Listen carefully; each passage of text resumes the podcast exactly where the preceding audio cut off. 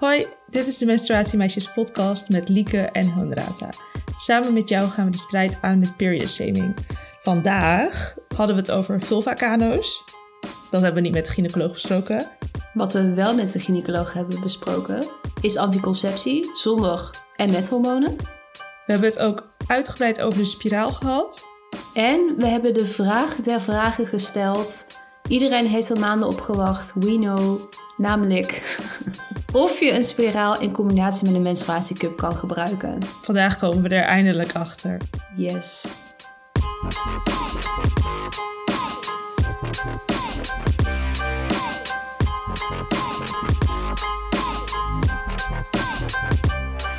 We moeten wel een beetje opschieten, Onrata. Waarom? Waarom? Ja. Nou, het is nu eh, donderdagavond, 20 mei. Dus eh, nog 70 minuten tot de tweede liveshow van het Eurovisie Songfestival. En we zitten nu gewoon in de podcast. ja, dedication. Ja, ik denk alleen maar, hoe heeft dit kunnen gebeuren? Oké, snel. Ga je gang. Hup. Oké, is het echt of is het nep? In Japan is een kunstenaar gearresteerd omdat ze vagina-kunst maakte. Oh, het is heel lang stil. Jij moet uh, hard nadenken, zie ik. Ja, dit moet je korter knippen. Dit is veel te lang. Dan Ja. denken mensen echt, is die podcast opgehouden. Ehm, ik denk nep. yes! het is echt. Het is echt. Nou, fijn. We houden de spanning er wel in zo. Ja, vorige week eh, raakte ik tegen alle verwachtingen in weer achter op Honorata. En nu staat het weer 8-8 gelijk. Ehm, ja, over de kunstenaar. Ze heet Megumi. Het kan zijn gaan we nu naar de body, want eh, we, gaan, we moeten songfestival kijken. Nou ja, ik wil het gewoon wel heel graag even zeggen hoor. Dit is Ja. een leuk verhaal. Of tenminste, Oké, ik luister. de vagina kunst vind ik leuk. Eh, ze heet Megumi. Ehm, en ik heb dit voor het eerst gezien in een docu, namelijk Female Pleasure. Ken je die? Nee. Nou, die is heel goed. En daarin eh, portretteerden ze gewoon allerlei mensen die eh, voor het eh, vrouwelijk orgasme opkwamen, zeg maar. En een van die mensen was Megumi en zij maakte kunst van vagina's. Ehm, even over die arrestatie. Ze is gearresteerd omdat ze met een 3D-scan van haar eigen vagina een kajak heeft gemaakt. En daar ging ze in... Waarom lach jij nou? Nou, eh, Ja, wil je daar nog maar eens uit? Ik kan me niet voorstellen dat ik ooit in mijn leven gearresteerd word... omdat ik een, van een 3D-scan van mijn vagina een kajak heb gemaakt. Dat vond ik gewoon heel specifiek. Oké, retweet. Ik, ik ga dat denk ik ook niet zo snel doen. Eh, maar daar ging ze dus in peddelen en toen werd ze gearresteerd. Ehm, dit was in 2014 en de reden was omdat ze zogenaamde obsceniteitswetten zou overtreden hebben. Ehm, toen kwam er een petitie, want hier waren mensen natuurlijk niet mee eens. Eh, en daar sluit ik me helemaal mee aan. 20.000 handtekeningen. Toen werd ze vrijgelaten. Maar toen werd ze opnieuw gearresteerd... omdat ze wederom iets met vagina's heeft eh, gedaan. Ehm, Vulva's. ja, nou ja, ook vagina's, maar ook veel. Oh, oké. Ja, oké. Nee, ja, scherp. Dat, eh, dat is goed. Ja. Eh, ze werd weer vrijgelaten op borg. eh, maar in 2015 begon dus haar proces. En ze riskeert nu een celstraf van twee jaar. En een boete van 20.000 euro. Dedication. Zo. Ja. Ja. Maar geen eh, leuk verhaal. Nee, die kajak is wel echt amazing. Misschien moet even een plaatje in de show notes doen. En sowieso ook een linkje naar de documentaire. Nou, 8-8. Spannend Ja. hoor. kan het niet aanlieken. En een boek. En een podcast. En, En deze spanning. 8-8. En Eurovisie. Sorry, ik ga blijven maar over praten. Ehm, maar dankjewel voor dit leuke feitje. Graag gedaan. En dan willen we nu nog eerst even iemand bedanken, want we hebben er weer een nieuw lid bij. Op Petje Af. Ja, daar zijn we helemaal blij mee. Vroeg me af, Lieke, weet jij wat we doen met dat geld? Dat we van eh, Petje Af krijgen? Via Petje Af? What a sneaky question. Om in een podcast te vragen aan mij. Nee, eh, wat doen we daarmee? Nog niks. maar we hebben wel plannen op zich. Zal ik die benoemen anders? Ja, we doen er wel wat mee hoor. Zal ik maar vertellen wat we ervan doen? Want ik ben Chief Finance van de Menstruatiemeisjes. Eh, we hebben bijvoorbeeld een microfoon gekocht. eh, We kunnen er verzendkosten betalen om de microfoon naar onze gasten te krijgen. De hosting van onze website. Software om in te editen, zodat jullie niet naar 38 miljoen us zitten te luisteren en we enigszins intelligent voor de dag komen. Nou, dat zijn een paar voorbeeldjes. Uh, dus heel erg bedankt weer voor iedereen die ons steunt via Petje Af. Yes, en dan gaan we nu naar ons gesprek met Anne, uh, een gynaecoloog. En we gaan haar het hemd van het lijf vragen. Uh, laatst vroegen op Instagram wat jullie wilden weten van een gynaecoloog. We kregen een heleboel vragen binnen. Onze vragensticker stroomde echt helemaal over. Uh, en die vragen die gaan we vandaag behandelen. Tenminste, zoveel mogelijk. Want we moesten wel even een selectie maken. Want we konden geen aflevering van drie uur maken, dachten wij. Uh, we hebben de vragen uitgekozen die het meest binnenkwamen. En die voor de meeste mensen relevant zullen zijn. En als je nu denkt, waarom zit mijn vraag er dan weer niet tussen? Dat is waarschijnlijk omdat we jouw vraag in ons boek beantwoorden. Dat komt uh, in september uit. Dat zeggen we eigenlijk nooit, Honegata. Maar dan heb ik het bij deze weer eens een keer gezegd. Um, en die vragen gaan we niet zelf beantwoorden, want we hebben dus een gynaecoloog uitgenodigd. Namelijk Anne Timmermans, gynaecoloog in het Am Amsterdam UMC. En daar hangen we nu mee aan de videolijn. Anne, volgens mij ben jij ook in het UMC, toch? Nee, uh, niet. Ik ben oh. uh, inderdaad werkzaam in het uh, Amsterdam UMC, maar ik werk ook in de Bergman Vrouwenzorg Amsterdam en dat is waar ik op dit moment ben. Ah, oké. Ja.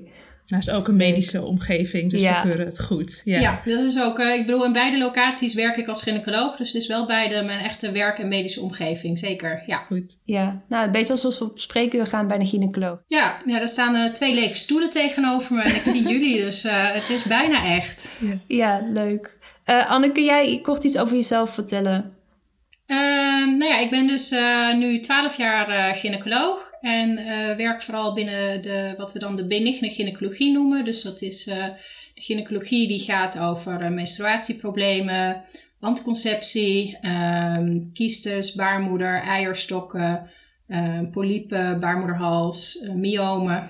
Um, en ik werk daarbij dus in het Amsterdam UMC, dus de academische ziekenhuis. En voor een deel werk ik in Bergman Vrouwenzorg. Um, en dat is heel erg uh, op elkaar uh, ja, aanvullend eigenlijk in zorg. En ik zie uh, een diversiteit aan vrouwen met problemen op gynaecologisch gebied. Klinkt alsof we echt jou moeten hebben. Nou ja, dat hoop ik. Ja. ik hoop dat ik antwoord op alle vragen kan geven. Ja. Er waren een aantal onderwerpen die meerdere keren terugkwamen, of meerdere keren heel vaak terugkwamen. Um, en een van die onderwerpen was hormonale anticonceptie. Uh, zoals deze vraag. Wat zijn de gevolgen van het gebruik van hormonale anticonceptie? En zijn die nou positief of negatief? Ja, dat is uh, eigenlijk een hele. Het is sowieso een hele goede vraag. Want eigenlijk aan alle vormen van anticonceptie uh, zitten gewoon voor- en nadelen. Um, en dat geldt eigenlijk, eigenlijk bij alles wat we, wat we doen. Um, en zowel wat voor keuzes we maken en wat voor behandelingen voorschrijven. En anticonceptie is natuurlijk best een persoonlijke keuze. En je ziet dat daar in de loop der jaren echt een enorme. Uh, is, zijn die keuzes eigenlijk veel breder geworden. Ooit is alleen de pil bedacht en dat was al een enorme revolutie. Um, en dat gaf vrouwen heel veel vrijheid. En in de loop der jaren is er behalve de standaard anticonceptiepil, zijn er een heleboel andere vormen van anticonceptie en vooral hormonale anticonceptie bijgekomen. Um, toch merk je vaak dat als we het hebben over hormonale anticonceptie, dat mensen in eerste instantie vooral aan de pil denken. Uh, omdat dat ook wel een van de meest bekende vormen van hormonale anticonceptie is. Um, nou, als je gaat kijken naar de voordelen van eigenlijk alle vormen van anticonceptie, is dat je daarmee um, nou ja, beschermd bent tegen zwanger worden. En het idee van anticonceptie is natuurlijk dat vrouwen dat gaan gebruiken, omdat ze op dat moment geen actuele kinderwens hebben en niet zwanger willen worden. Um, en bij hormonale anticonceptie heb je dan, en dat wisselt echt wel per vorm van anticonceptie, of dat nou de pil is of het implanon, dus het uh, staafje wat je aan de boven, uh, in je bovenarm kan plaatsen, of het hormoonspiraaltje. Maar eigenlijk bij al die vormen van hormonale anticonceptie zie je dat in het algemeen um, de cyclus, de natuurlijke cyclus van een vrouw onderdrukt wordt. Dus dat in het algemeen vrouwen daar uh, minder hevige menstruaties bij hebben, minder bloedverlies, minder pijn bij de menstruatie. Ehm, en, en een goede vorm van anticonceptie hebben. Dus echt wel betrouwbare anticonceptie en ehm, ja, gewoon kleine kans om alsnog zwanger te raken. Er zitten zeker ook nadelen aan. Je ziet dat ehm, als je het hebt over risico's, en de risico's die het vaakst terugkomen zijn uh, de risico op trombose en het risico op uh, borstkanker. En dan worden vaak getallen genoemd, hè, dat risico van trombose, dat dat verdubbelt. Nou, dat is ook zo als je gaat kijken naar die getallen. Maar je moet bedenken dat dat voor de gemiddelde jonge vrouw heeft zelf een heel laag risico op trombose. Is ongeveer 0,3 per duizend vrouwen per jaar zouden trombose krijgen. En als je dan de pil gaat gebruiken, gaat dat van 0,3 per duizend vrouwen per jaar naar 0,7. Dus dat is inderdaad meer dan een verdubbeling. Maar het blijft nog steeds een heel klein risico dat je door de pil uh, trombose krijgt. Neemt niet weg dat er natuurlijk vrouwen zijn geweest die, en vrouwen zullen zijn die dat krijgen bij pilgebruik. En voor die individuele vrouw is het niet meer klein, maar is het ja, 100% en is dat echt wel vervelend. Um, en wil ik dat ook zeker niet um, onder het tapijt schuiven, maar voor een hele grote groep vrouwen is dat risico dus eigenlijk heel beperkt. Hetzelfde geldt voor het risico borstkanker. Um, de gemiddelde vrouw die de pil gaat gebruiken heeft een heel laag risico op borstkanker. Uh, dat ligt ongeveer op de 0,6 vrouwen per duizend vrouwen per jaar. Ja, en dat gaat dan van 0,6 naar 0,7. Dus dat is ook eigenlijk maar een geringe toename.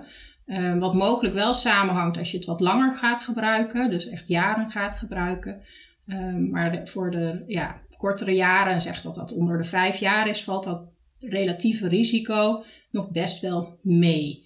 Uh, maar dat zijn wel de risico's die eraan zitten. Nou, verder zijn er natuurlijk bijwerkingen beschreven, bij, uh, zeker bij de pil, uh, hoofdpijn, misselijkheid, maag-darmbezwaren. Nou, je ziet dat een deel van die bijwerkingen eigenlijk wel verdwijnt, dat die vooral optreden in de eerste drie maanden en dat die beter worden naarmate vrouwen dat langer gebruiken. Maar je ziet ook zeker wel vrouwen die echt wel last hebben van nou ja, stemmingsproblemen bij pilgebruik. Dat ze zeggen, ja, ik voel me gewoon minder happy in mijn vel, mijn kwaliteit van leven is minder, ik voel me vlakker, ik voel me een soort van depressiever. En um, daar is wel, dat is nou echt wel een van de klachten waar juist de laatste tijd heel veel meer aandacht voor is. Waarvan we ook zeggen van ja, we zien dat ook wel echt in grotere studies komt dat terug.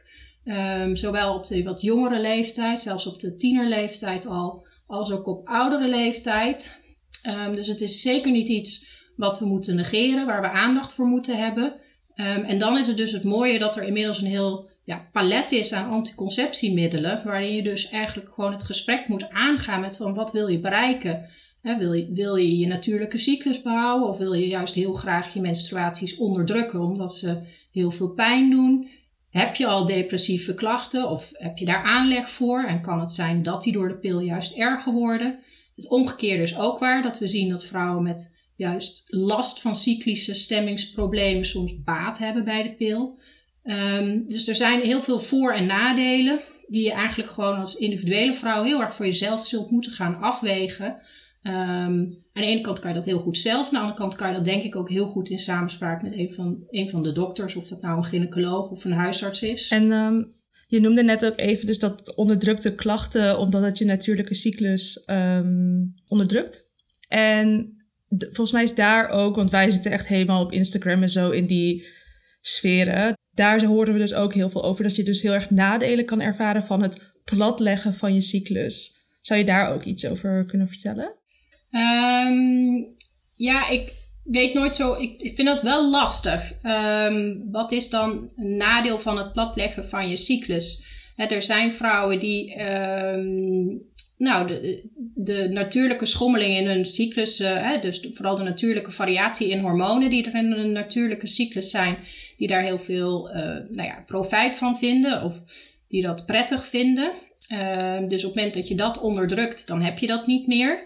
Um, het omgekeerde zie ik natuurlijk. Hè. Ik zie als gynaecoloog vooral vrouwen uh, die gewoon pijn hebben van hun menstruaties. Die dus echt ten tijde van hun menstruatie ja, hinder hebben. Um, en een derde van de vrouwen heeft ook echt hinder van hun menstruatie. Waarbij ze soms gewoon niet kunnen functioneren. Waarbij uh, tieners niet naar school gaan of vrouwen niet goed kunnen werken. Aan de ene kant is dat pijn en aan de andere kant is dat hevig bloeden. En dat zijn de vrouwen die juist enorm baat hebben bij hormonale anticonceptie, omdat die daardoor weer kunnen functioneren. Dus ja, in mijn spreekkamer zie ik, zie, zie ik juist die andere groep die Mhm. zegt: eh, help me, eh, zorg dat mijn hormonen. eh, ja, daar heb ik dan misschien niet zoveel last van, maar zorg dat ik met mijn menstruatie weer een beetje door het leven Ja. kan gaan. Zou je dan zeggen dat, eh, want bijvoorbeeld de menstruatiecup, daar is iedereen heel blij mee en die is heel bevrijdend en je raakt in touch met je emoties, of met je emoties, met je menstruatie. Zou je dan zeggen dat de pil bijvoorbeeld een te negatieve imago heeft op dit moment? Nou, ik denk dat er. ehm, je leest nu de laatste tijd wel steeds meer verhalen hè, dat, dat de pil ehm, wat in een negatief daglicht heeft gebracht. Ehm, ik denk wel dat, we, eh, dat, dat er twee kanten aan zitten. Ik denk dat er aan de ene kant het eh, profijt is dat sommige vrouwen echt wel baat hebben bij de pil. En aan de andere kant, ehm nou ja, lange tijd was er qua anticonceptie niks anders dan de pil. En daar is echt in de nou, afgelopen decennia heel veel bijgekomen. En het is, als je erover nadenkt, ook wel ergens heel erg schandalig bijna dat we zo weinig weten over die bijwerkingen op niveau van stemming ehm, en kwaliteit van leven voor vrouwen die de pil gaan gebruiken. Dat is echt iets wat je de laatste jaren steeds meer ziet en wat, wat mijn inziens wat weinig onderzoek nog. ja, er is gewoon weinig onderzoek naar gedaan hoe dat nou komt. Je ziet dus aan de ene kant vrouwen met eh, stemmingsproblemen die juist last hebben van de hormonale schommelingen en die baat hebben bij de pil. En aan de andere kant zie je dus een groep vrouwen die de pil gaat gebruiken en juist depressieve klachten krijgt of stemmingsproblemen krijgt of een verminderde kwaliteit van leven, die dat dus echt als bijwerking van de pil op een negatieve manier ervaart. En eigenlijk weten we gewoon nog onvoldoende hoe dat komt. Um, dus ik wil de pil zeker niet in een kwaad daglicht stellen. Um, ik zou het nou ja, een uitdaging vinden als wij met z'n allen, dus zowel de gynaecologen als de wetenschappers als de vrouwen, uh, gaan onderzoeken waar komt dat nou door, waar zit hem dat nou in. Um, en we hebben steeds meer een keuzepalet gekregen. En ja, dan is het wel interessant om te ontdekken waar, waar zit het hem dat nou in? Waar heeft de een profijt en heeft de ander uh, er juist last van?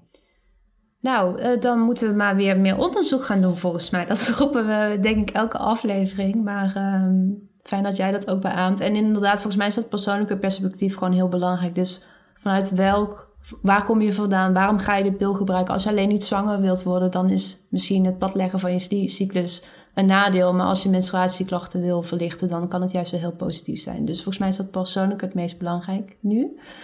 Um, Volgens mij kunnen we dan door naar anticonceptie zonder hormonen. Want daar kregen we ook heel veel vragen over binnen. De eerste vraag: Is alleen een condoom gebruiken betrouwbaar genoeg? Ja, dat ligt er maar net aan wat je zelf betrouwbaar vindt. Hè? Um, als je gaat kijken, dan is uh, uh, het risico op zwangerschap bij condoomgebruik zo tussen de 2 tot 18 procent liggen. Ja, dat is 2% is als je het heel netjes, keurig, volgens alle gebruiksaanwijzingen netjes gebruikt. Mag ik daar iets ja, over vragen? Want, ja hoor. Um, is die 2% dat als je op die dag zou ovuleren en helemaal als uh, de persoon met de baarmoeder helemaal klaar bent zeg maar, voor een eventuele zwangerschap, is het dan die 2%? Of, of is die 2%, ik weet niet of ik dit nu heel onduidelijk uitleg, nee, ik snap maar wel wat je... het alsof je elke twee van de honderd keer soort van zwanger kan worden of zo. Maar dat hangt toch. Die kans wordt ergens kleiner, dacht ik. Maar dat is echt zo'n vraag waar ik al een tijdje mee rondloop. Ja, nee, je, kan, je hebt eigenlijk bij elke vorm van anticonceptie heb je cijfers over wat nou de kans op zwangerschap is. Hè? Mm. En da daarmee zeg je eigenlijk iets over hoe betrouwbaar is het. En die uh, cijfers die heb je aan de ene kant uitgedrukt in wat we noemen typical use en in perfect use. Perfect use is als je het perfect gebruikt volgens alle regeltjes uh, en daar dus helemaal niks misgaat. Dus een condoom wat omga uh, omgaat voordat er ook maar enige voorvocht is geweest en er nog geen penetratie heeft plaatsgevonden. En wat op het juiste moment op de juiste manier afgaat en niet scheurt. Um, en wat niet over datum is. Nou, en, en alle andere dingen die je daar zelf ook wel bij kan bedenken. Um, maar dan heb je typical use, dat is wat de praktijk laat zien. Want in de praktijk zijn wij met z'n allen niet zo perfect bezig als dat perfect use zou willen. En dat geldt eigenlijk voor elke vorm van anticonceptie. Hè. Dat, dat kan je ook voorstellen bij de pil. Dat heeft een bepaalde betrouwbaarheid. Als je het netjes elke dag neemt, niet in combinatie met andere medicijnen, zonder overgeven, diarree en alle andere dingen. Um, en hem nooit vergeet. Ja, uh, dat is in de praktijk niet zo. Dus je moet, uh, en dat zijn eigenlijk de cijfers zoals ze liggen. Hè? De, die 2% slaat op perfect use en 18% slaat op typical use. Um, dus hoe die eigenlijk in de praktijk is. Ja, en of je dat betrouwbaar vindt of niet, dat is denk ik ook nog per, per persoon heel erg wisselend. Ik kan me voorstellen, uh, nou, als je wisselende seksuele contacten hebt en je bent 22, eh, dat je een heel andere wens van betrouwbaarheid van anticonceptie hebt. Dan als je zegt, ja, ik ben 30 en ik zit eigenlijk wel in een vaste relatie en ik wil eigenlijk wel kinderen, maar liever niet nu al. Um, liever pas over één of twee jaar, want dan komt het me beter uit omdat. Um, ja, dan, dan ben je misschien meer bereid om een bepaalde andere betrouwbaarheid van je anticonceptie, zeg maar, te accepteren. Um, dus wat betrouwbaar is, is eigenlijk ook heel persoonlijk en heel individueel. En ja, op het moment dat je bijvoorbeeld condooms gaat combineren met waar zit ik in mijn cyclus. En um, zit ik juist tijdens een vruchtbare periode of tijdens een niet zo vruchtbare periode, ja, dan verandert daarmee natuurlijk ook de betrouwbaarheid van dat gebruik van die condooms. Of verandert de betrouwbaarheid van de hè, de periodieke onthouding of uh, mm. al die andere natuurlijke vormen van anticonceptie. Ja, ik herken dat wel. Toen ik jonger was, toen was het echt eigenlijk het allerbelangrijkste dat ik niet zwanger werd en niet eventueel een moeilijke keuze moest gaan maken rondom die zwangerschap. Dus ik denk dat ik toen ik jonger was heel blij was dat ik aan de pil zat. Uh, en inmiddels ben ik een paar jaartjes ouder en hoef ik niet zo nodig meer aan de pil. Maar dus dat begrijp ik wel. Um, kregen ook een vraag binnen over de symptothermale methode. Dat stipte je net al even aan. En de FAM-methode. De vraag was wat dat is en wat je ervan vindt. Ja, nou ja, dat zijn natuurlijk eigenlijk alle, uh, zonder ze nou helemaal. Eigenlijk zijn dat, als je ze toch op één hoop gooit, een beetje de natuurlijke vormen van anticonceptie, waarbij er heel erg gekeken wordt naar uh, de natuurlijke cyclus. En waarbij er dan op basis van de, de cyclus gekeken wordt van wat zijn je vruchtbare dagen.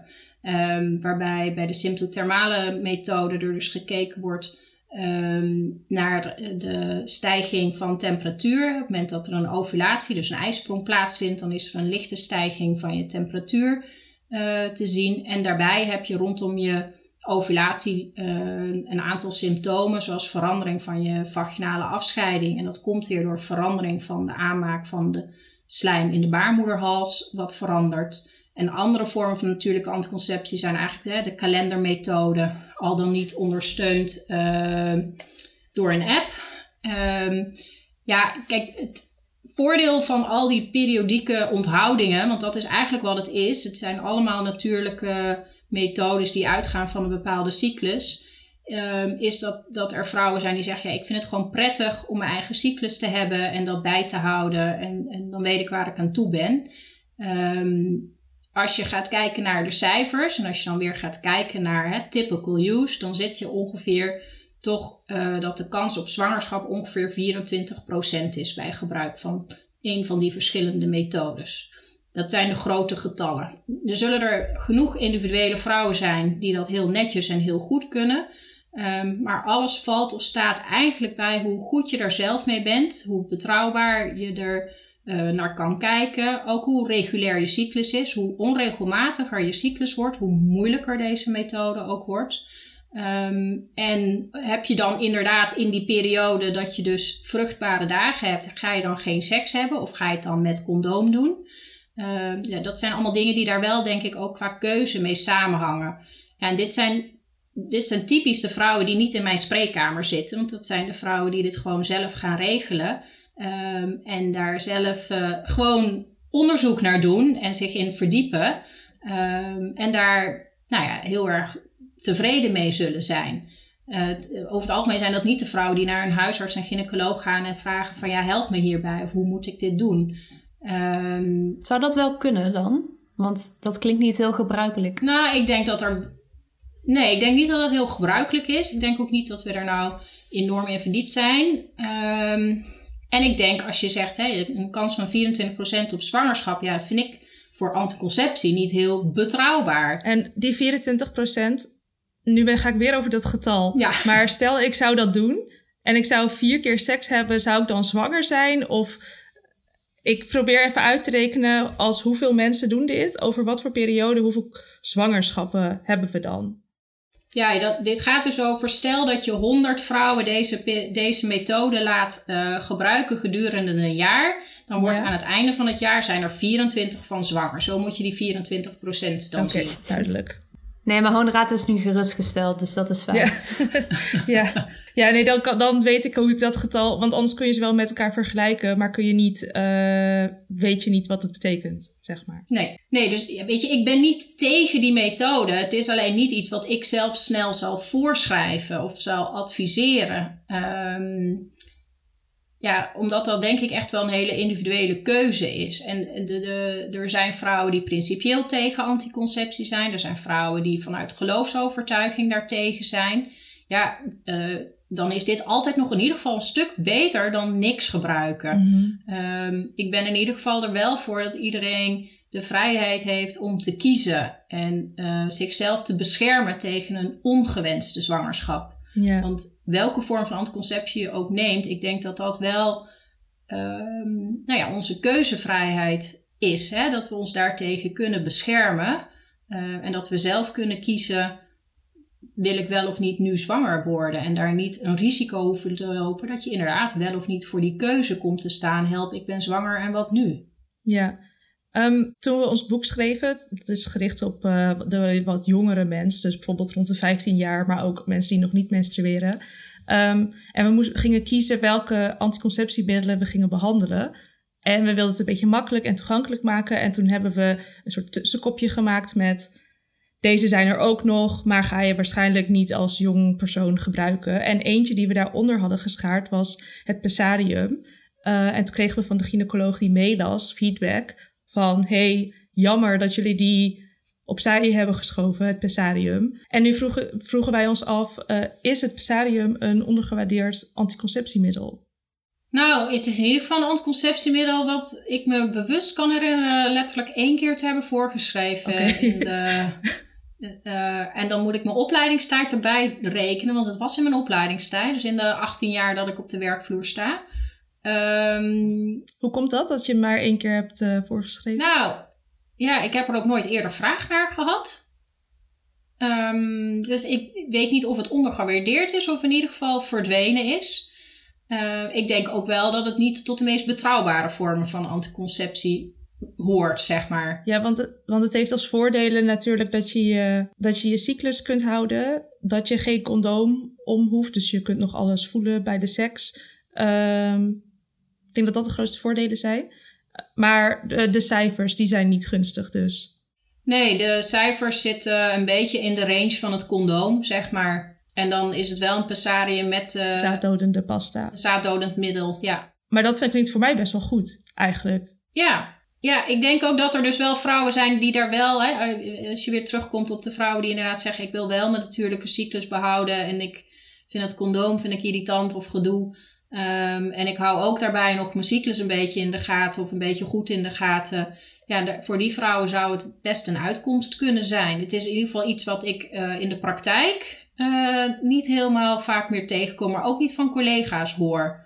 Dus ik denk dat het een beetje uit de gratie is geraakt of zo. Ja, als het zo'n verborgen pareltje is, dan moeten die menstruatiemeisjes dat maar even weer eh, op de kaart zetten. Misschien als het. eh, Ja, ik vraag me, je, ik vraag me wel gewoon gelijk allerlei dingen af. Hè, van, eh, je moet dat dan aanmeten en dat moet dan goed zitten. En kunnen wij dat dan nog? En eh, is het nog verkrijgbaar bij de apotheek? Hele banale Ja. vraag, maar... ja, oké, dus daar. eh, nou, dat eh, moeten we dan nog maar een keer uitgebreid aan jou vragen hoe dat We zit. moeten nog even evalueren of het nu wel of niet in het boek Ja. komt dan. ja, Ja. Voordat, we het, eh, voordat jullie iets aanprijzen wat vervolgens helemaal niet meer in Nederland bij een apotheek Ja. te vinden is. eh, Nee, oh ja. Ehm, veel luisteraars vroegen ook wat er precies komt kijken bij de overgang van een hormonale conceptie naar een natuurlijke cyclus. Kun je daar iets over vertellen? Ja, er is eh, in ieder geval een soort wijdverbreid misverstand dat ehm, even, ik, de prikpil wil ik even parkeren in deze, maar als je zeg maar alle andere vormen van hormonale anticonceptie, namelijk de gewone pil, het hormoonhoudend spiraaltje, de implanon, de pleister en de, en de ring, als je even allemaal bij elkaar neemt, Ehm, als je daarmee stopt, dan krijg je in principe je eigen natuurlijke cyclus zoals die op dat moment is en op dat moment bij jou hoort terug. Ehm, dus er is niet een soort, dat is een beetje een wijdverbreid misverstand, dat dat dan allemaal uit moet werken of uit je lichaam moet spoelen of wassen uh, en dat dat tijd nodig heeft. Nee, in principe op het moment dat je stopt, dus dat de spiraal eruit gaat, of je neemt die laatste pil in, of de implanon gaat eruit, ja, dan krijg je gewoon wel weer herstel direct van je eigen hormonen en daarmee herstel van je ijsprong en je menstruaties. Um, dus er is niet zoiets als dat dat dan nog tijd nodig heeft. Wat wel kan, is dat jij, um, nou, dat er al langere tijd bijvoorbeeld een onderliggend hormonaal probleem speelt, waardoor je geen ijsprong hebt. En doordat je geen ijsprong hebt, heb je geen menstruaties. Wat al die tijd nou ja, een beetje gemaskeerd is, dus verbloemd is door het feit dat je kunstmatige hormonen hebt gebruikt. En als je dan stopt, dan heb je dus geen cyclus, omdat er dus een ander onderliggend probleem is, wat al die tijd een beetje nou ja, verdoezeld is geweest. Maar dat komt dus niet door de pil, uh, of dat komt niet door het spiraaltje, maar dat, dat is gewoon even niet zo zichtbaar geweest. En bestaat ontpillen dan wel? Want dat is wat je vaak hoort van mensen die dan stoppen met de pil, dat ze dan een paar maanden of tot een half jaar of een jaar soms aan het ontpillen zijn of zeggen van ik ben nog aan het ontpillen. Bestaat dat dan? Nee, dat, dat bestaat dus eigenlijk niet. Want, en, um, want ik weet dat er mensen die dan, want ik kijk dan op YouTube van die filmpjes, uh, dat ze dan eerst een wat onregelmatigere cyclus hebben en daarna wat gelijkmatiger. Wat zou je daar dan van zeggen, wat, hoe dat dan komt? Um, bedoel je dat ze voordat ze aan de pil gingen onregelmatig waren en dan onder de pil regelmatig en na stoppen weer regelmatig? Of? Nou, in ieder geval dus na het stoppen dat hij dan eerst wat, wat langer wordt. Bijvoorbeeld een cyclus van uh, eh, 40 dagen en dat hij dan naar 35 gaat en dan rond de 30. Dat je dan vanaf daarna, dat hij dan 30 dagen duurt. Ja, nou ja, het kan dat, ik denk niet dat dat door de pil komt. Ik denk dat dat een beetje de variatie is die er ook zonder die pil zou zijn geweest. Die cyclus die heeft nou eenmaal een variatie. In, in, in alle leerboekjes en biologieboeken leren we allemaal heel braaf dat dat uh, vier weken is, dus 28 dagen of nou, soms misschien een maand. Maar er zit best wel een grote variatie omheen. Uh, sommige vrouwen zijn ook echt, die kunnen de klok erop gelijk zetten. En andere vrouwen hebben, die, hebben nou, wat meer variatie daarin. En zullen de ene week of ene maand 30 dagen zijn en een andere maand misschien 35 dagen. Uh, en dan weer een maand 28 dagen.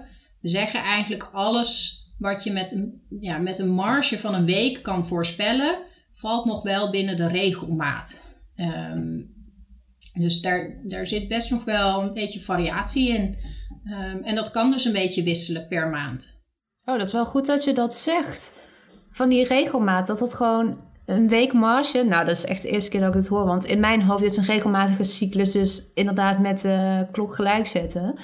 Nou, dat is uh, even een nieuwe definitie voor mij. Ja, en het helpt soms ook om het wel eens een keer gewoon... Uh, als je denkt dat het heel onregelmatig is, om het bij te houden. En dan niet te gaan kijken hoeveel tijd zit er tussen de laatste dag en de eerste dag. Want we kijken, wat is de eerste dag? Dus de eerste dag is dat je gaat bloeden. En dan ga je kijken hoeveel dagen is het tot de volgende eerste dag. En uh, als je dat een paar maanden bij hebt, dan, ziet, dan zien sommige vrouwen die echt het idee hebben dat het hartstikke onregelmatig is, dat er meer regelmaat in zit. Um, maar die, uh, dat is dus het verschil tussen, ja, is het 28 dagen, namelijk komt het iedere keer op nou, een dinsdag. Of is het misschien 33 dagen en dan verspringt die dag, zeg maar. Maar dan is het wel mooi 33 dagen. Of dan is het 32, 34, 35, 31. En dat is nog steeds regelmatig. Ja, precies. Dan gaan we nu naar de spiraal. Dat was na de anticonceptie slash hormonale anticonceptie ook een onderwerp dat heel vaak naar voren kwam. Iemand vroeg, wanneer kies je voor welke spiraal? Um, je hebt eigenlijk twee groepen spiralen. Je hebt de koperspiralen en je hebt de spiralen waar uh, hormoon in zit. En daar zit eigenlijk alleen het progesteronhormoon in.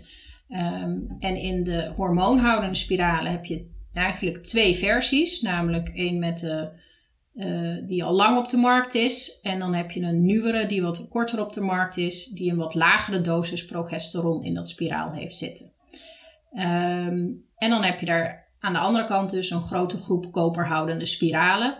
Die heb je in allerlei soorten en maten en vormen, um, maar zijn allemaal gebaseerd op het feit dat daar koper in zit.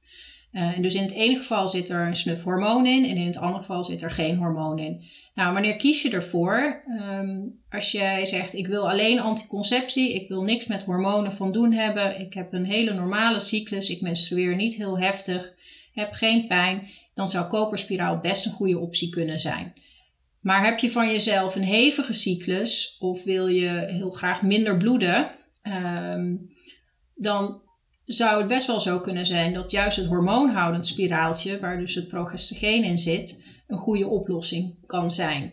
Um, want dat onderdrukt de menstruatie wederom en uh, geeft gewoon minder bloedverlies. Dus ook die keuze is heel erg weer bepaald door wat wil je behalve anticonceptie nog meer bereiken. Wil je je eigen cyclus juist behouden of wil je die liefst zo graag mogelijk onderdrukken of in ieder geval je menstruatie onderdrukken. Um, en dus op het moment dat je dat wil, ja, dan zul je eerder naar een hormoonhoudend spiraaltje gaan. En als je dat allemaal niet wil, ja, dan zul je dus eerder kunnen kiezen voor een koperspiraaltje. En wat zijn dan de bijwerkingen van het koperspiraal?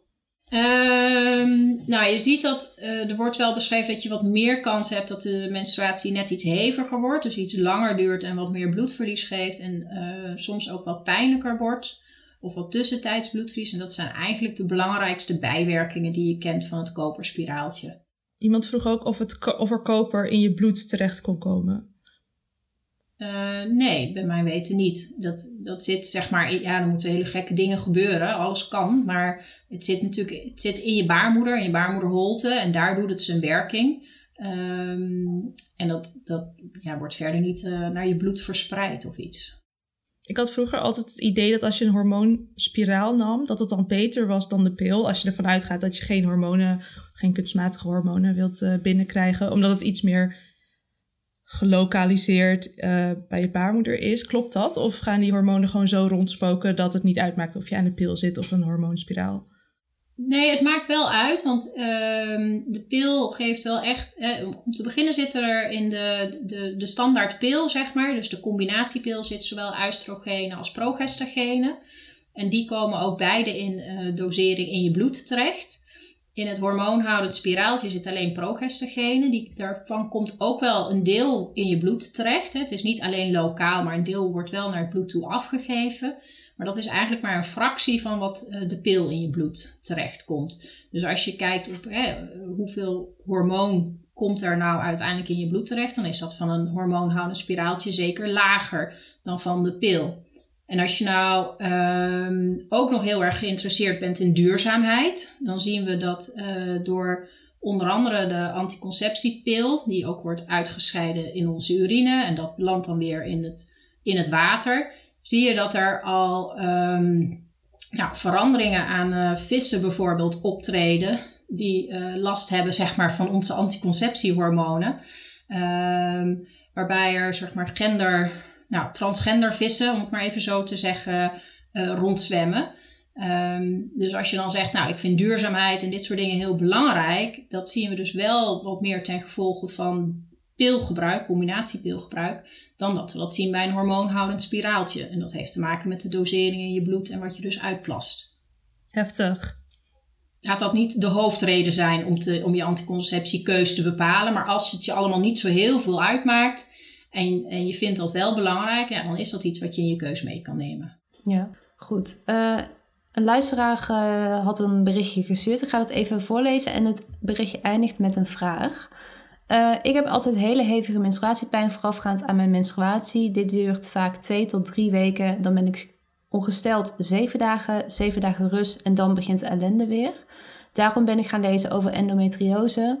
Klachten klinken voor mij redelijk bekend. Uh, mijn spiraaltjes vervangen en sindsdien heb ik niet meer in diezelfde hevigheid klachten. Toch, toch maak ik mezelf zorgen of ik niet misschien endometriose heb in verband met mogelijke effecten op onvruchtbaarheid. Ik heb vaker een inwendige echo gehad, maar nooit direct aan een arts gevraagd of ik het zou hebben. Ik vraag mezelf dan ook af, hoe moet ik dit aanpakken en hoe kan je erachter komen of je endometriose hebt als je een spiraaltje hebt, wat de klachten onderdrukt. Ja, ik denk dat sowieso als je, hè, als je cyclische buikpijnklachten hebt uh, en je gaat zelf een beetje op onderzoek uit, dan kom je denk ik al snel bij endometriose uit. En als je met die vraag in je hoofd zit, dan denk ik dat het ook goed is om die te gaan voorleggen aan uh, in eerste instantie je huisarts en met je huisarts bespreken of je dan naar een gynaecoloog uh, zou moeten om daar verder naar te kijken. En dan kan je samen met in, bijvoorbeeld de gynaecoloog gaan kijken van hè, zijn de klachten zoals ik die ervaar, is het patroon wat erin zit en de hoeveelheid pijn en de, de, de, momenten waarop ik pijn heb, zou dat kunnen passen bij endometriose. Dan kan een echo zeker wat toevoegen en uh, het feit dat je een echo hebt gehad, sluit die endometriose nooit helemaal uit. Want het moment dat de vraag niet was: heb je endometriose toen de echo gemaakt was? Dat maakt dat wij toch op een andere manier die echo maken. En dan, dan kijk je net met een soort andere blik. Dus ik denk dat op het moment dat je zegt: ik heb, ik heb buikpijn, ik maak me daar echt zorgen over. Uh, stel die vraag en, en laten we daar dan gericht naar kijken. Dat wil niet zeggen dat we altijd alle endometriose goed kunnen opsporen. Um, maar dat je er wel nou ja, het gesprek aan kan gaan van wat betekent dit nu en wat zou het anders kunnen zijn. Dus ik kan niet specifiek voor haar nu zeggen, uh, heb je endometriose ja of nee? Ik zou alleen zeggen, ga, ga dat gesprek aan met je arts en leg die zorg ook neer. Um, het is fijn natuurlijk dat je klachten onderdrukt zijn, maar ik, ik snap je zorg wel. Um, en, en ga dat ook bespreken. Ja, en waar wordt dan wel naar gekeken bij zo'n bij zo'n inwendige echo als de vraag dus niet concreet is: heb je endometriose ja of nee? Nou, ja, dat ligt er ook een beetje aan wie je maakt. Ik kan niet uh, voor iedereen spreken, maar ik kan me voorstellen dat er gesproken is van, uh, of gekeken is naar uh, hoe ziet de baarmoeder eruit en hoe ziet de eierstokken eruit. Um, maar als het bijvoorbeeld een echo is geweest die alleen heeft gekeken naar ligt het spiraal goed, ja, dan is, is daar specifiek misschien alleen naar gekeken. Terwijl je de combinatie eigenlijk wilt hebben van hè, wanneer heb je pijn, waar doet het pijn, um, wat voor andere factoren zijn er die je pijn beïnvloeden. Um, en, en dat je dan opnieuw met die echo kijkt, dan kijk je weliswaar opnieuw, hè, dan kijk je ook nog steeds naar je baarmoeder, naar de eierstok, maar je kijkt ook naar het gebied eromheen. Je kijkt ook naar specifieke plekken waar we endometriose nou ja, vaker kunnen zien of waarvan we weten dat het er kan zitten. Dus je kijkt dan net wat specifieker. Ja, oké. En iemand anders vroeg, ehm, kan ik met een spiraal toch alle seizoenen, dus al die schommelingen, uh, voelen, inclusief ijsprong en duidelijk midden van mijn cyclus? Want ik weet het zo zeker. Ja, dat kan. Want een, uh, kijk, een koperspiraal onderdrukt sowieso je hormonen niet. En bij uh, het hormoonhoudend spiraaltje heb je eigenlijk vooral een lokaal effect en wordt je hormonale cyclus eigenlijk niet onderdrukt. Dat is wel ongeveer 10% van de vrouwen heeft wel van het hormoonspiraaltje een uh, volledige onderdrukking van hun hormonale cyclus. Dat wil zeggen dat het overgrote deel dat niet heeft. Um, en het kan zijn dat je dus niet menstrueert bij het hormoonhoudend spiraaltje, maar dat je wel die cyclische variatie van je hormonen wel kan voelen. Dus dat, dat kan zeker. Oké. Ik denk dat degene dat fijn vindt. Voordat we verder gaan, nog even dit. Want wil je nu meer podcast, dat er meer bedrijven lastigvallen omdat ze period shamen, meer boeken, meer illustraties, meer community? Nou, of wil je gewoon meer menstruatiemeisjes? Dat kan. Steun ons werk dan via Petje Af. Dat kan maandelijks of eenmalig. Je krijgt onze eeuwige dank in return, maar ook exclusieve content. Je wordt onderdeel van onze community. Ik kan dus lekker meedenken en meepraten. En je krijgt exclusieve stories op Instagram. Ja, klinkt dit nou goed? Dan vind je alle informatie op petje.af slash menstruatiemeisjes. Oké, dan gaan we nu naar uh, vragen over de gynaecologie. Als dat een woord is. Ik heb het getypt, maar ik besef me nu... Is dat wel zelfstandig Ja, gynaecologie is een heel normaal woord zelfs. Ah, oké. Ja. Nou, dan was dat de eerste vraag. Dan ga ik nu naar de tweede vraag. Uh, waarom is het in Nederland niet normaal om jaarlijks een uitstrijkje te laten doen? In andere landen vaak wel. Nou, dat, uh, er zijn zeker verschillen tussen een aantal andere landen. Er zijn ook een aantal, zeker in uh, Europa, een aantal landen waarin ongeveer hetzelfde beleid als Nederland gehanteerd wordt. Dat we zeker niet jaarlijks een uitstrijkje maken. Kijk, we maken uitstrijkjes om voorstadia van baarmoederhalskanker op te sporen. En die voorstadia, die worden dan weer vaak veroorzaakt door het HPV-virus. Um, en wat je ziet is dat een HPV-infectie, die door het lichaam niet zelf nou ja, geklaard wordt of opgelost wordt of overwonnen wordt, hoe je het ook noemen wilt, gemiddeld 10 tot 15 jaar nodig heeft voordat je een nou ja, matig ernstige afwijking hebt, die als je die weer laat zitten, kan uitgroeien tot baarmoederhalskanker. Nou, dan hoor je al dat dat een heel langzaam groeiend iets is. Waarbij dat dus eigenlijk helemaal niet zo heel zinvol is om dat jaarlijks te gaan bekijken. En daarnaast, uh, dus dat is een beetje de inhoud. Uh, en daarnaast hebben we, nou ja, in Nederland, een, een, ja, de overheid en het zorgstelsel hebben met elkaar afgesproken dat we, als we dus echt willen gaan screenen, dat dat aan bepaalde voorwaarden moet voldoen. Um, waarbij we dus zeggen, ja, een jaarlijks een uitstrijkje maken, dat levert misschien wel een hele hoop meer onrust op dan dat het winst oplevert. Want een deel van die vrouwen, daarbij vind je misschien dat HPV-virus, uh, waarmee we, nou ja, 90% van de vrouwen die seksueel actief is, zal ermee in aanraking komen. Maar een groot deel klaart dat virus ook. Dus dan krijg je eigenlijk dat je het virus vindt zonder dat het nog geklaard is. Ja, dat kan ook weer onrust opleveren. Um, dus daarin zijn wij misschien een beetje anders dan um, een aantal andere landen in Europa. Maar we zijn daarin bijvoorbeeld hetzelfde of vergelijkbaar met de Scandinavische landen en Groot-Brittannië. En kun je wel iets anders opsporen met een uitstrijkje? Was dus dingen die je nu niet hebt genoemd, maar waarvoor het bijvoorbeeld wel. SOA's of. Nee, in principe is het uitstrijkje is echt bedoeld voor het opsporen van de voorstadia van baarmoederhalskanker. Um, SOA zul je echt met een SOA-test, met een, uh, ja, logisch ja, week moeten opsporen. ja. En als je daar risico op loopt, dan moet je dat vooral laten testen. Ja. We hadden ook uh, iemand in de inbox die meerdere vragen had. Namelijk, moeten gynaecologen een grotere rol spelen in het leven van mensen met een baarmoeder? Want we hebben het veel over vrouwen, maar in onze podcast spreken we over het algemeen heel veel over menstrueerders en mensen met een baarmoeder. Maar de vraag is dus, moeten gynaecologen een grotere rol spelen in het leven van mensen met een baarmoeder? Um, ik weet niet of we een grotere rol moeten spelen. Ik denk dat we een belangrijke rol spelen. Um, we hebben in Nederland natuurlijk wel een stelsel met een, uh, met een huisarts um, als, als poortwachter of bewaker van de, van, uh, van de zorg, zeg maar. Um, er zijn huisartsen die zich heel vertrouwd en ook voelen met de gynaecologie en daarbij ook echt wel de, de, de basisgynaecologie van de huisartspraktijk prima uh, kunnen verzorgen. Er zijn ook huisartsen die dat een stuk minder hebben.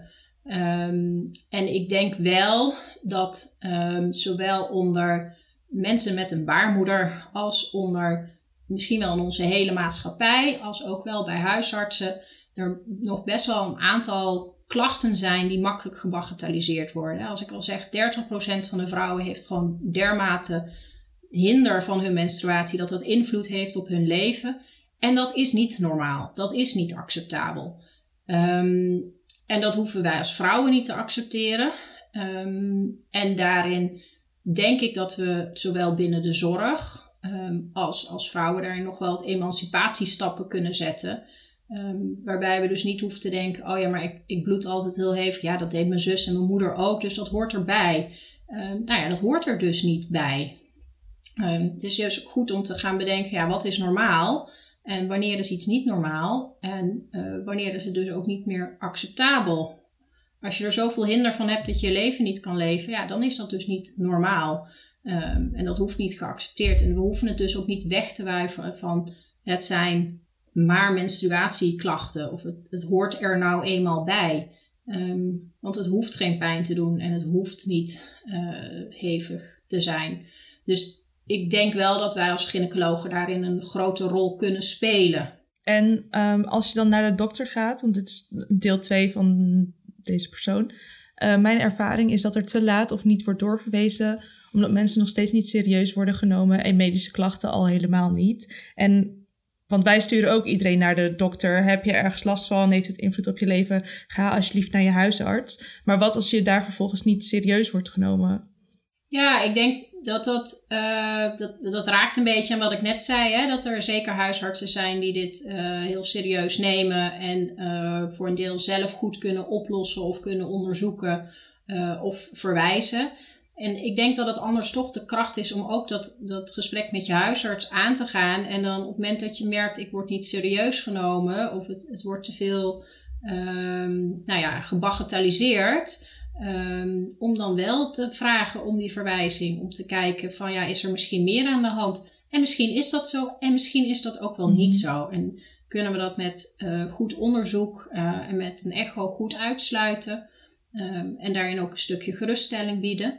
Um, maar ik denk wel dat, dat dat dan de volgende stap is. Op het moment dat je merkt het wordt te veel weggeschoven. Um, ja, om, om, om je daar toch zelf ook serieus in te nemen. En zou je dan zeggen second opinion of dan van huisarts wisselen? Of wat kan je dan concreet uh, doen? Nou ja, je kan uh, concreet toch vragen van mag ik, mag ik wel naar de gynaecoloog verwezen worden? Of ik wil dat heel graag. Um, je kan overwegen om met je huisarts te kijken van ja, kan ik anders bij een van de kaderhuisartsen terecht? Hè? De kaderhuisartsen zijn de huisartsen die uh, zichzelf hebben toegelegd juist op een specifiek onderdeel. Dan zijn er kaderhuisartsen die in de gynaecologie zich hebben toegelegd. Um, en ga ook te raden van is, zijn mijn klachten um, nou normaal of niet? Hè?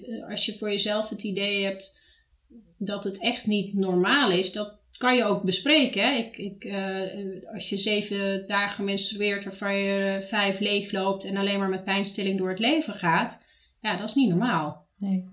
Is, zijn kaderhuisartsen, is dat iets landelijks? Want ik heb hier nog nooit van gehoord. Maar kan, kan dus ook komen omdat ik uit een heel klein dorpje kom. Uh, maar ik ken het helemaal niet. Nee. nee, die zijn er gewoon in de verschillende regio's. Niet dat je nou zomaar daar op de voordeur kan gaan kloppen. Maar daar kun je naar verwezen worden. Ja, die zijn er wel uh, om in ieder geval mee te denken op specifieke problemen. Specifieke problematiek van de huisarts. Ja, goed om te weten. Dan gaan we denk ik naar de laatste vraag voordat we naar een ja-nee rondje gaan. Uh, en deze is ingezonden door onszelf. Want uh, wij hadden ook een vraag. Uh, ik heb hem goed uh, geformuleerd, al zeg ik het zelf, dus ik ga hem ook gewoon even voorlezen. Namelijk, bestaan er wel echte behandelingen voor menstruatiegerelateerde aandoeningen? Hormonale anticonceptie wordt vaak ingezet als symptoombestrijding, terwijl het niet is ontwikkeld voor het onderdrukken van endometriose bijvoorbeeld. We hebben, we hebben wel pilletjes voor erectiestoornissen, maar geen pilletjes voor endometriose of PMDD. Komt hier snel verandering in? Dat zijn eigenlijk twee vragen. Ja, het zijn een heleboel vragen die je eigenlijk stelt. En het, het raakt eigenlijk een beetje aan het. Uh, wat voor kennis hebben we nu op wetenschappelijk niveau van, uh, van de baarmoeder en de problemen die er uit een baarmoeder voort kunnen komen? Um, en dat is wel iets waar we steeds meer um, naartoe aan het werken zijn en steeds meer kennis over aan het vergaren zijn. En waarbij we steeds meer gelukkig middels bijvoorbeeld de echo in beeld kunnen brengen. Ook de kwaliteit van de echo is echt enorm verbeterd in de afgelopen jaren. Waarbij we steeds beter kunnen zien van ja, wat, wat is er nou aan die baarmoeder aan de hand? Wat is nou normaal? Wat is niet normaal? Maar waarbij we zeker nog niet het ei van Columbus hebben. Waarom, waarom bloedt die ene baarmoeder nou harder dan de ander? Waarom heeft die ene baarmoeder nou meer pijn dan de ander? Of veroorzaakt die meer pijn? Um, dus komt daar snel verandering in. Ja, het, je, je gunt ons gynaecologen en jullie vrouwen eigenlijk dat daar uh, in de wetenschap sprongen gaan gemaakt worden. Um, en voor goed wetenschappelijk onderzoek is het belangrijk dat we, nou ja, één, daar geld voor hebben en bewustzijn. Um, en dat we daarin dus nou ja, alleen maar kunnen groeien en uh, emancipatiestappen kunnen maken. Um, dus ik denk dat er steeds meer verandering in aan het komen is. Dat er steeds meer aandacht is om op dat gebied gewoon onderzoek te doen. Um, om zo uh, ja, meer problemen aan de basis te kunnen gaan oplossen. Um, ondertussen denk ik niet dat het alleen maar onderdrukken is. Want het is, een, het is niet alleen maar symptoombestrijding. Hè. Het is uiteindelijk toch in de basis proberen het probleem, wat voor een deel omdat het vanuit een baarmoeder komt, hormonaal bepaald is. Dus eigenlijk voor een deel toch te onderdrukken. En je ziet ook wel dat er steeds meer uh, ontwikkelingen zijn waarbij er gekeken wordt van kunnen we nou op receptorniveau, op receptorniveau um, medicatie ontwikkelen die daarop aanslaat of die daarvoor uh, voor geschikt is. Um, dus wat kunnen we met z'n allen doen? We kunnen met z'n allen daar uh, bewustzijn in creëren Um, en als het nodig is, meedoen ook aan dat onderzoek. Want wij kunnen het niet alleen. We kunnen het niet alleen als gynaecologen bedenken. We hebben uiteindelijk ook al die vrouwen nodig om te kijken wat is normaal, wat is niet normaal, waar loop je tegenaan, hoeveel hinder geeft het en welk middel werkt wel en welk middel werkt niet. En ook dingen die we soms al jaren doen, ook daarbij hebben we gewoon echt de hulp van vrouwen die ermee kampen nodig om stappen te zetten om uh, voor onszelf nu en voor de toekomstige generaties nou ja, vooruit te komen en te laten zien wat werkt en wat werkt niet. We hebben elkaar allemaal nodig. Ja, zeker. Uh, dan gaan we nu een soort vragenrondje doen. Want we kregen heel veel vragen van mensen die heel, persoon of heel erg toepasselijk waren op gewoon de persoon die het vroeg. Het zijn dus ja-nee vragen. Uh, en of jij dan wil aangeven of je dan wel of niet naar de dokter moet. En misschien heel kort even van waarom wel of waarom niet. Uh, ga ik naar de eerste. Moet je naar de dokter als je opeens een onregelmatige cyclus hebt? Nou, ik ben blij dat ik in ieder geval een soort bijzin mag toevoegen. Want alleen ja en nee is toch voor mij als dokter wat ingewikkeld. Snap ik. Als je opeens een regelmatige cyclus hebt, hoef je strikt genomen niet meteen naar de dokter. Oké. De disclaimer is, als dat langdurig voortblijft of je wilt zwanger worden, dan moet je op een gegeven moment wel naar de dokter, ja. Oké, we zijn niet heel streng hoor, dus uh, Nee. voeg vooral niet bijzin toe. Oké, moet je naar de dokter als je ongeveer twee weken bloedverlies hebt, waarvan één week met aarzelende aanloop? Nou ja, en, en daarbij geldt ook, niemand moet van mij naar een dokter. Maar ehm, is dit een reden Ja. om mee naar een dokter te gaan? Ja, want je hebt gewoon langdurig bloedverlies. Oké. Helder. Ik ga wel de formulering aanhouden, maar dan is dat een- goede nuance. Ja. Eh, moet je naar de dokter als je een cyclus van 44 dagen hebt? Ehm, niet per se. Mocht je daarbij juist zwanger willen worden, ja, dan wel. Duidelijk. Oké. Moet je naar de dokter als je na het klaarkomen bloed verliest? Ehm, lijkt mij wel. Goed, wat, want waar zou dat door kunnen komen? We zitten echt zo te wachten op die bijzin nu. Ja, jullie zaten nu te wachten op de bijzin waarvan ik dacht, ja, ik heb hem eigenlijk nog nooit als klacht in mijn spreekkamer gehad. Ehm, en is, ja, ik, ik krijg gelijk alle, dat roept allemaal vragen bij mij op die ik dan zou stellen. Is het, gaat het alleen over klaarkomen of gaat het over als je penetratieve seks hebt gehad? Ehm, en als het alleen in het laatste geval is, dan moet je zeker. Ehm, en in het andere geval, als het alleen na klaarkomen is zonder dat er penetratie is, dan ga ik al denken, goh, hoe zou dat nou komen? Ehm, dus als dat de klacht is, lijkt me dat toch kennelijk een reden, als ik er al zoveel vragen bij heb, om te zeggen, ga maar naar de dokter. Ja, goed. Ehm, moet je naar de dokter als je een implanon hebt en al een paar maanden elke dag bloedt? Ehm, nee. Vind je dat hinderlijk? Dan is dat wel iets waarmee je naar een dokter kan gaan. Het is een bijwerking van de implanon. Oké. En blijft die dan voor altijd of is het de bedoeling dat dat een keer ophoudt? Nou, als die er net in... Nou ja, het kan soms wel voor altijd blijven. Het kan ook weer uitdoven. Het kan aan het begin optreden en eh, uitdoven. Het kan aan het begin er niet zijn en later weer optreden. Ja, ieder dag een beetje bloedverlies is een bekende bijwerking bij de implanon. En als je dat hinderlijk vindt, dan moet je ermee naar een dokter. En misschien gaan praten over een ander anticonceptiemiddel. Yes. Eh, moet je naar de dokter bij stekende pijn rondom je baarmoeder als je niet menstrueert? Als je last hebt van die pijn en je maakt je daar zorgen over, dan zou ik naar een dokter gaan, ja. Moet je naar de dokter als je tijdens je menstruatie standaard pijnstillers moet slikken? Ja, wat mij betreft wel. En tot slot moet je naar de dokter voor je spiraaltje om het elk jaar te laten checken. Nee, die niet. Oké, want hoe vaak moet je wel heen? Eh, in principe niet. In principe laat je je, laat je spiraal plaatsen bij een dokter. Ehm, dan wordt die meestal direct na de plaatsing, tenminste bij de gynaecoloog wordt er altijd eh, meteen een echo even direct na de plaatsing gemaakt om te kijken of die goed zit. In principe hoef je daarna niet naar de dokter, tenzij je er klachten bij krijgt. Dus als je krampende pijn krijgt of echt heftig of raar, raar bloedverlies of koorts, dat zijn redenen om dan wel naar de dokter te gaan. Helemaal duidelijk. Ik denk dat we dan nu naar de vraag gaan die we het meest binnenkrijgen over het algemeen sinds menstruatiemeisjes. De vraag der vragen. Ja, kun je een menstruatiecup gebruiken in combinatie met een spiraal? Ehm, nou, dat is een vraag die ik zelf nog nooit gehad had in de praktijk, maar die wel heel erg eh, in opkomst lijkt. Ehm, inderdaad, als ik zelf op internet ga zoeken, dan kom ik hem vaak tegen. Ehm, ook omdat de menstruatiecup denk ik veel meer in opkomst is. Ehm, als je gaat kijken, dan is er geen hard bezwaar om te zeggen: je mag geen menstruatiecup gebruiken bij een spiraal. Je moet je er wel van bewust zijn dat er gevallen beschreven zijn waarbij de spiraal verplaatst is ten gevolge van de cup. Ehm, wat daarbij lastig is, is dat je altijd aan moet tekenen dat het altijd makkelijk is om wetenschap te publiceren over dingen die opvallend zijn en mis zijn gegaan. Ehm, en in de grotere studies waar menstruatiecups gebruikt zijn en vergeleken zijn met normaal menstruatiemateriaal zoals verband en tampons, uh, zien ze eigenlijk dat het veilig lijkt. Uh, neemt niet weg dat je er wel voorzichtig bij moet zijn. En vooral het uh, vacuüm goed moet verbreken, toch? Ja, precies. Het vacuüm verbreken, dat is het, het, waarschijnlijk het kwetsbare moment. en kijk wat je wegspoelt. Ja, oké zodat je, als je hem al verliest, dat je ziet dat je hem hebt verloren.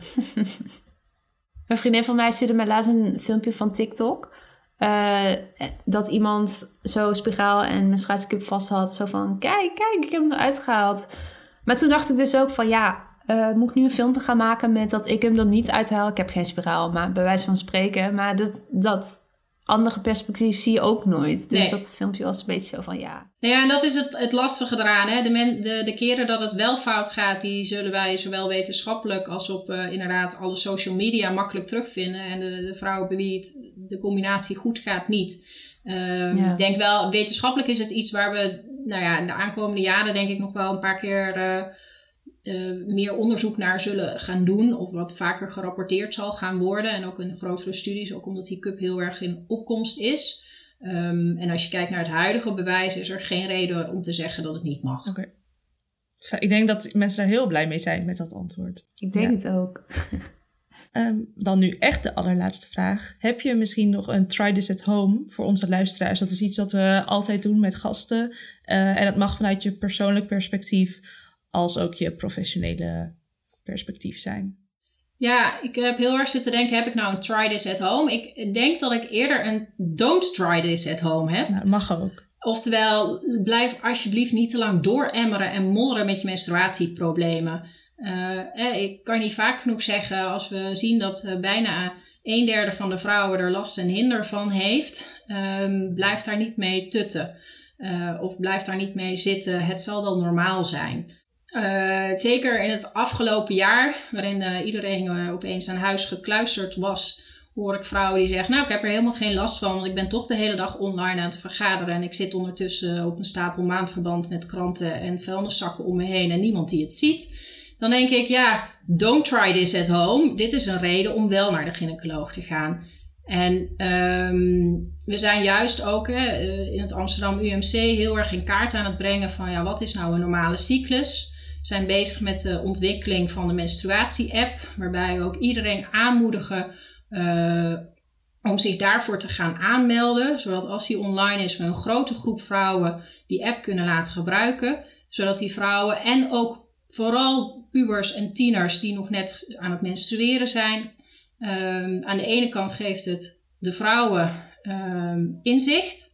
En aan de andere kant geeft het ons inzicht in data. Wat is normaal? Wat is die spreiding? Uh, zodat we daarmee ook weer echt gewoon stappen kunnen gaan maken op wetenschappelijk gebied. En aan de andere kant gewoon kennis en informatie kunnen ontwikkelen en delen. Dus um, try this at home. Ja, don't try this at home. Blijf niet zitten met je menstruatieprobleem. En uh, meld en registreer je vooral aan voor onze app om mee te gaan doen om uh, meer awareness en bewustzijn te creëren. Ja, oké. Zet wel op menstruatiemeisjes.nl slash show notes.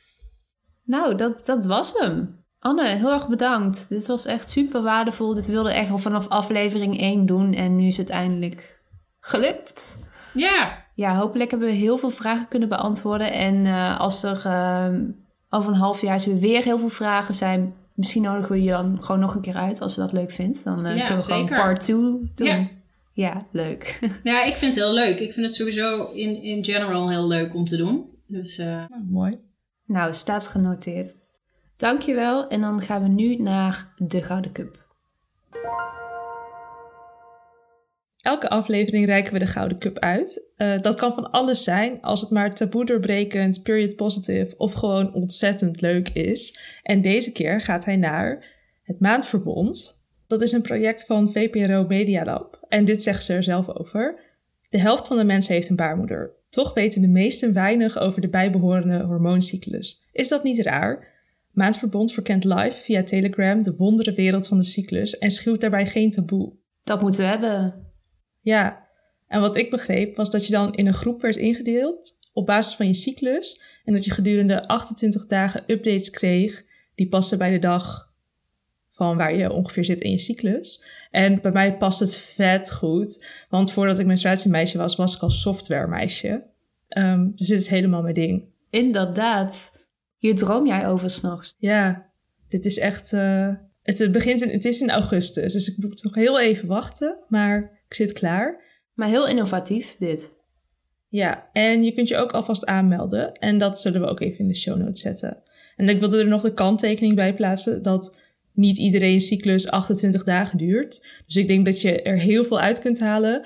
Maar dat het vast niet de bedoeling is dat je het als bijvoorbeeld anticonceptiemiddel gaat gebruiken. Van welke dagen je vruchtbaar bent of zo. Dat lijkt me niet handig. Dat denk ik niet. Ik denk het ook niet, nee.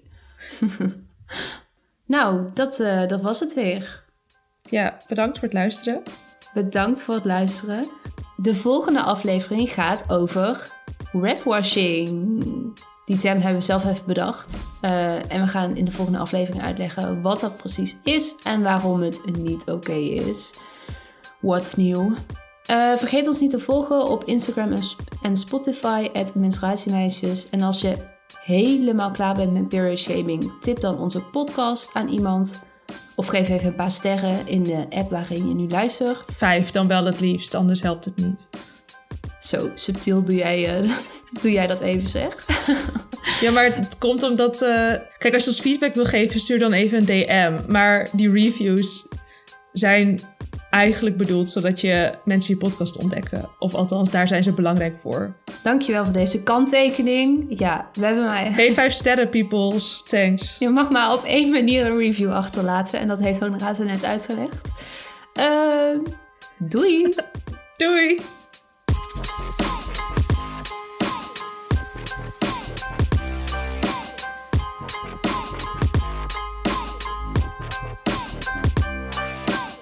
Anders zeggen we hem allebei. Zeggen we allebei één keer, nou, dankjewel. En dan gaan we nu naar de Gouden Cup. Als we dan even allebei zeggen. Kun jij maar. Nou, dankjewel. Eh en dan gaan we nu naar de Gouden Cup. Dankjewel. En dan gaan we nu naar de Gouden Cup. Jij moet het dan weer heel anders zeggen. Huh? Ja, maar wij hebben toch allebei ons eigen stijl? ja, dat mag ook. Maar dat vind ik gewoon grappig als je het dan zo naast elkaar zet. Oh, Ehm Easter egg.